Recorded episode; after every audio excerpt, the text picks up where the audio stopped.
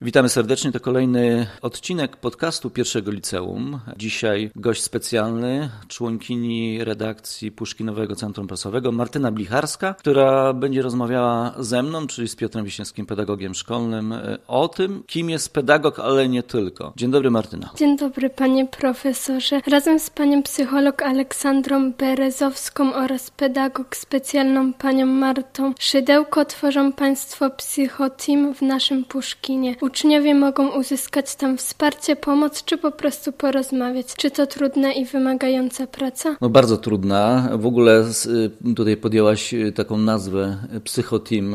Dla niektórych jest to może żartobliwe, ale my podchodzimy do tego oprócz tego, że profesjonalnie, ale też z takim pewnym oddechem. Czy to jest trudne? No, ja pracuję w szkole od pięciu lat. Nigdy nie pracowałem w szkole. Właściwie szkołę znałem troszeczkę od drugiej strony. Może też jako rodzic po prostu. Ale jakby jak zaczynałem pracę w liceum, to tak naprawdę musiałem tą, tą, tą, tą stanowiską, tą działkę zacząć od nowa w własnej głowie tak naprawdę. Musiałem sobie ją wymyśleć. I pomyślałem sobie, że na, najlepszym efektem, najlepszą sprawą będzie to, że ten gabinet będzie miał otwarte drzwi. Oczywiście, jeżeli tam ktoś jest, to po prostu je zamykam, wiadomo. Chodzi o intymność, o, o zbudowanie zaufania z uczniem i tak dalej. Natomiast y, to są drzwi otwarte, y, czego nie było do tej pory w tej szkole. Natomiast e, wspólnie z moimi koleżankami staramy się no, pomagać e, na różny sposób. Jest to trudne zajęcie. E, mam czasami wrażenie, że jest trochę niedoceniane, bo są też stereotypy, Martyna, że no co, co robi pedagog, nie? Tak naprawdę co przerzuca papierki, nie? Zajmuje się stypendiami i tak dalej. Tym się też zajmuje. Pani Marta, Marta Szydełko zajmuje się też na przykład osobami z orzeczeniami, opiniami. Pani Ola y, oczywiście y, ciągnie działkę psychologiczną, y, diagnozującą czasami i robi to w świetny sposób. Tworzymy bardzo dobry zespół, ale tak jak tutaj zapytałaś, jest to trudna działka. Natomiast u nas w szkole tak się utarło, że, że mamy powiedzmy, że dobrą opinię i młodzież przychodzi, nawet przyprowadza też inne osoby, przychodzą dwie osoby, trzy osoby, przyprowadzają innych. Też mamy świetny kontakt z nauczycielami i to też nam y, robi robotę, bo staramy się czytać ich sygnały i wtedy jest nam łatwiej, bo mamy jakby sygnały na bieżąco. I staramy się oczywiście te sprawy, które wychodzą na bieżąco, nie tylko te poumawiane, bo to, to, to mówimy o konsultacjach też, e, załatwiać na bieżąco. E, jest ich dużo, coraz więcej. E, tych problemów jest naprawdę sporo. Także staramy się w tej trudnej pracy odnaleźć siebie jako człowieka dla drugiego człowieka. Czy przygotowuje się Pan jakoś do tej pracy? Nie mam tu na myśli szkoleń, ale takie bardziej codzienne przygotowanie się do rozmowy z uczniami, na przykład tworzenie sobie pod konkretnego ucznia schematu rozmowy, czy przygotowywanie indywidualnych ćwiczeń dla niego. Podstawą jest rozmowa, tak? Y, ja mówię zawsze naszym uczniom, że oni przychodzą jako czysta książka, tak? Czy oni zapisują swoją historię. Ja nie narzucam im, im nic, nie oceniam, to jest podstawa u nas, nieocenianie. I dzięki temu my tworzymy bardzo zaufany taki, taką zaufaną relację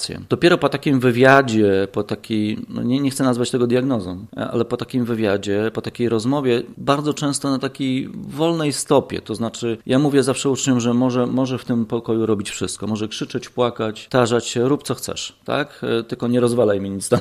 Jeżeli on, on, uczeń dostaje taką informację, że jest to intymne spotkanie, gdzie może, e, może robić e, co czuje, otwiera się bardzo fajnie ta książka, tak? Czyli on mówi o szczerze o różnych, o różnych rzeczach. Ja się przygotowuję. Właśnie na podstawie tego, co uzyskam, jaką informację uzyskam y, na, na temat tego, na przykład jakie są źródła jego problemu, to albo daję mu jakieś materiały, które później omawiamy, jakieś na przykład wykłady, y, materiały, na przykład zadania, tak, które, które, które ma wykonać. Potem my sobie je przegadujemy, ale też zdarza się czasami, może to kogoś zdziwić, że robi, ja robię uczniom czasami muzykoterapię. Nie? Na przykład widzę, że w jakimś jest stanie i puszczam mu jakiś utwór. Może ta rozmowa y, przez połowę tej całego czasu wyglądać tak, że my po prostu słuchamy muzyki, nie? ale tak naprawdę dla mnie czasami puszczanie uczniowi muzyki to jest takie wysyłanie do niego listów nie?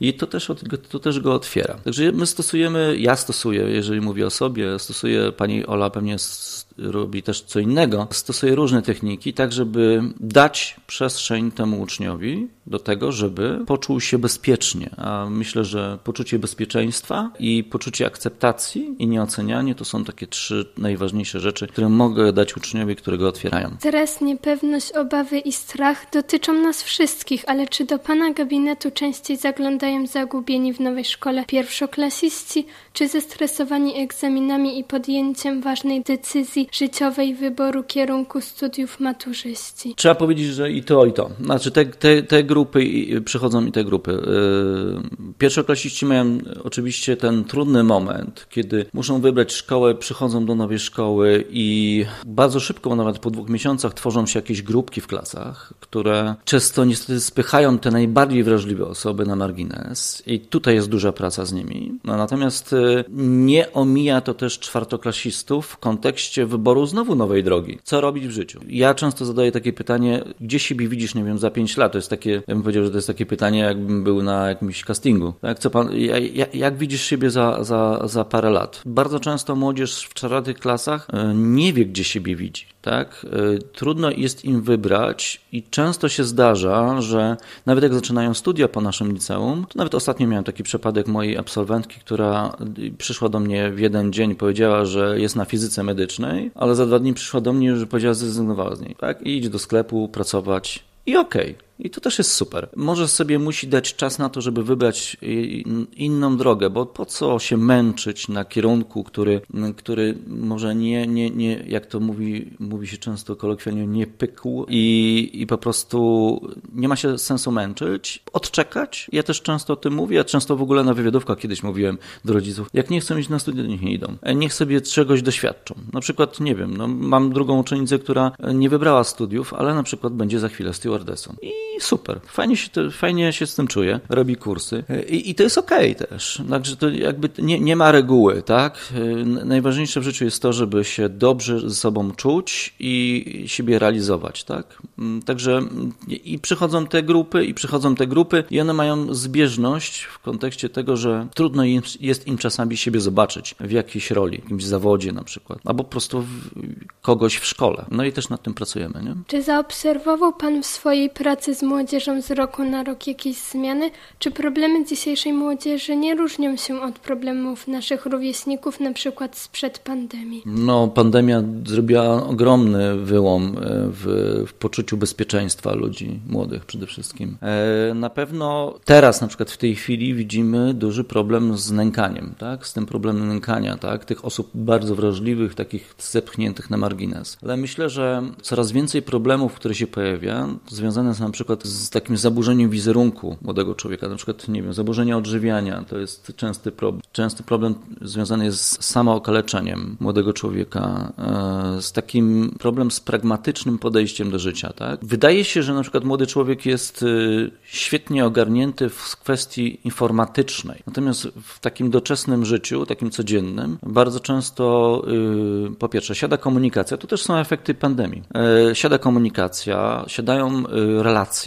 To też jest efekt pandemii, ale to też wcześniej było, tylko że ta pandemia w ogóle pogłębiła nie? Taki, taki problem związany z e, nawiązywaniem relacji, z eksponowaniem siebie, z pokazaniem, że jestem kimś, że jestem fajny, że jestem wartościowy, ale trudno jest nam to jakoś, może użyję dziwnego słowa, sprzedać. Znaczy, zainteresować kogoś. Nie mamy, mamy ogromną niewiarę w to, jacy jesteśmy wspaniali. Nas trochę to blokuje, na przykład, nie wiem, jak ktoś ma na przykład, nie wiem, jedną, tylko dwie pasje, no to już myśli sobie, że nie ma nic ciekawego przekazania, nie, nie znajdzie się w rozmowie. No, czasami wystarczy pogadać o pogodzie, tej kolokwialnej pogodzie, a potem to może być początek fajnej rozmowy. Także takie problemy się pojawiają. No i przede wszystkim stres, bo to też wychodzi w naszych badaniach. Stres i nieradzenie sobie w sytuacjach kryzysowych to są takie dwie rzeczy, które najczęściej wychodzą w naszych gabinetach u mnie, u pani Oli i pani Marty. Nie radzić sobie sobie ze stresem, nie radzicie sobie ze sytuacjami kryzysowymi, nie radzicie sobie z atakami paniki, czyli to, co się kumuluje w kontekście stresu. Oprócz bycia szkolnym pedagogiem jest Pan także opiekunem radiowęzła i Puszkinowego Centrum Prasowego.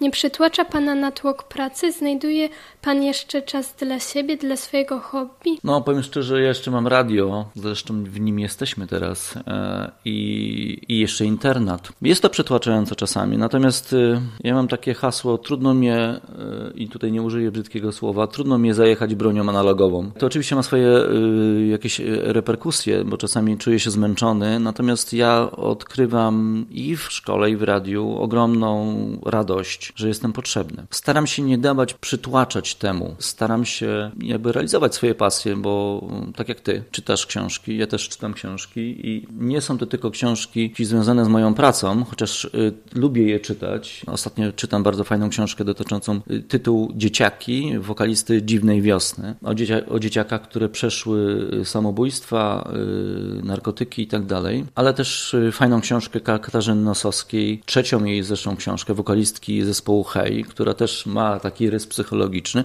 ale też czytam inne książki. Oprócz tego oczywiście słucham dużo muzyki i czytam dużo na temat muzyki.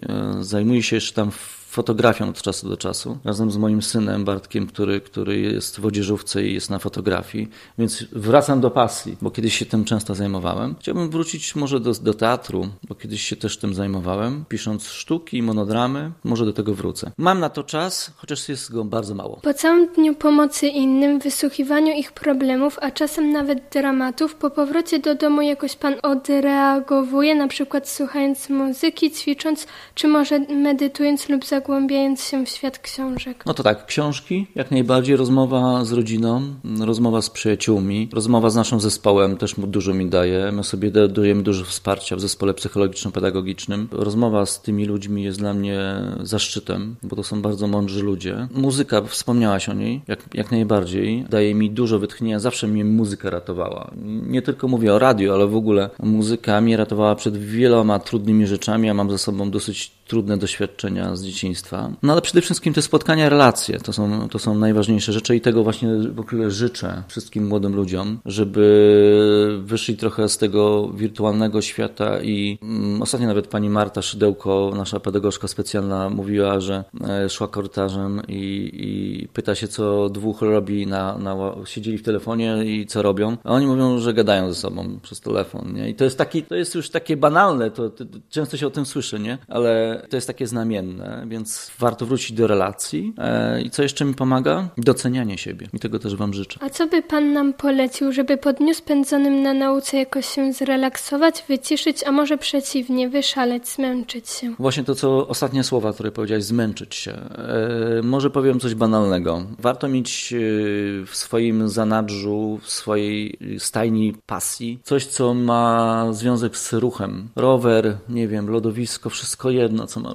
Dlaczego? Dlatego, że y, w toku życia codziennego łapiemy dużo stresu. Niestety używa, używamy czegoś takiego jak ciało migdałowate, nie? czyli coś, co jest elementem naszego mózgu, co jest coś, co jest odpowiedzialne w stresie, co się, co się przełącza na to za dwie emocje, uciekaj albo walcz. I my na przykład stresując się, wy się stresujecie w szkole i nie macie możliwości wyrzucenia z tego z siebie, to się gromadzi i bardzo często, nie wiem, dziwicie się na przykład, że macie później ataki paniki. No to jest właśnie efekt tego, że gdzieś nawet to fizyczne wyrzucenie tego, e, nie, nie ma tego. Potem się dzieją takie właśnie trudne rzeczy. Warto sobie zagospodarować tą dziedzinę życia, czyli po prostu jakaś aktywność fizyczna, ale też wspomniałaś w którymś z pytań o medytacji na przykład, nie? To też jest fajne. Pani Ola na przykład Berezowska często puszcza e, młodzieży, która siedzi u niej, muzykę relaksacyjną, nie? I chcemy w ogóle wrócić do takich, zrobić takie zajęcia, pani Ola ma do tego materace e, i specjalne olejki, specjalną muzykę i tak dalej.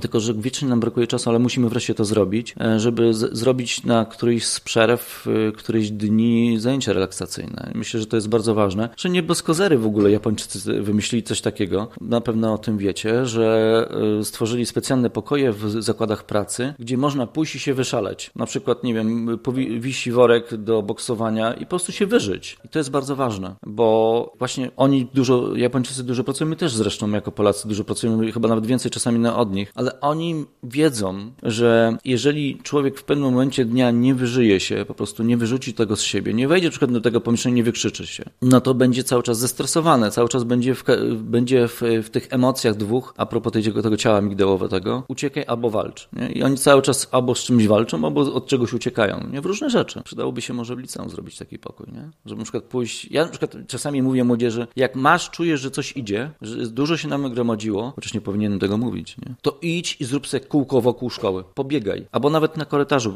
yy, pobiegaj. Może to dziwnie wygląda, ale czasami to działa. Znaczy, bardzo często to działa. Po prostu wyrzuc, wyrzucenie takiego, tego gromadzącego się w organizmie kortyzonu i wywołanie endorfin, bo przez wysiłek pojawiają się endorfiny. Chemiczny, y, organiczny związek, e, który daje, to jest taki hormon szczęścia, nie? Taki, taki czynnik szczęścia, endorfiny. Jak sobie to załatwisz, to się wtedy lepiej czujesz. Bardzo dziękuję za rozmowę. Moim gościem był profesor Piotr Wiśniewski, pedagog szkolny w pierwszym liceum ogólnokształcącym w Gorzowie. Pamiętajcie, jeśli ktoś z Was czuje, że potrzebuje wsparcia, pomocy właśnie pedagoga czy psychologa, nie czekajcie, zgłoście się do psychoteamu. Warto zrobić ten pierwszy krok. Wszystkie dane kontaktowe znajdziecie na stronie Puszkina.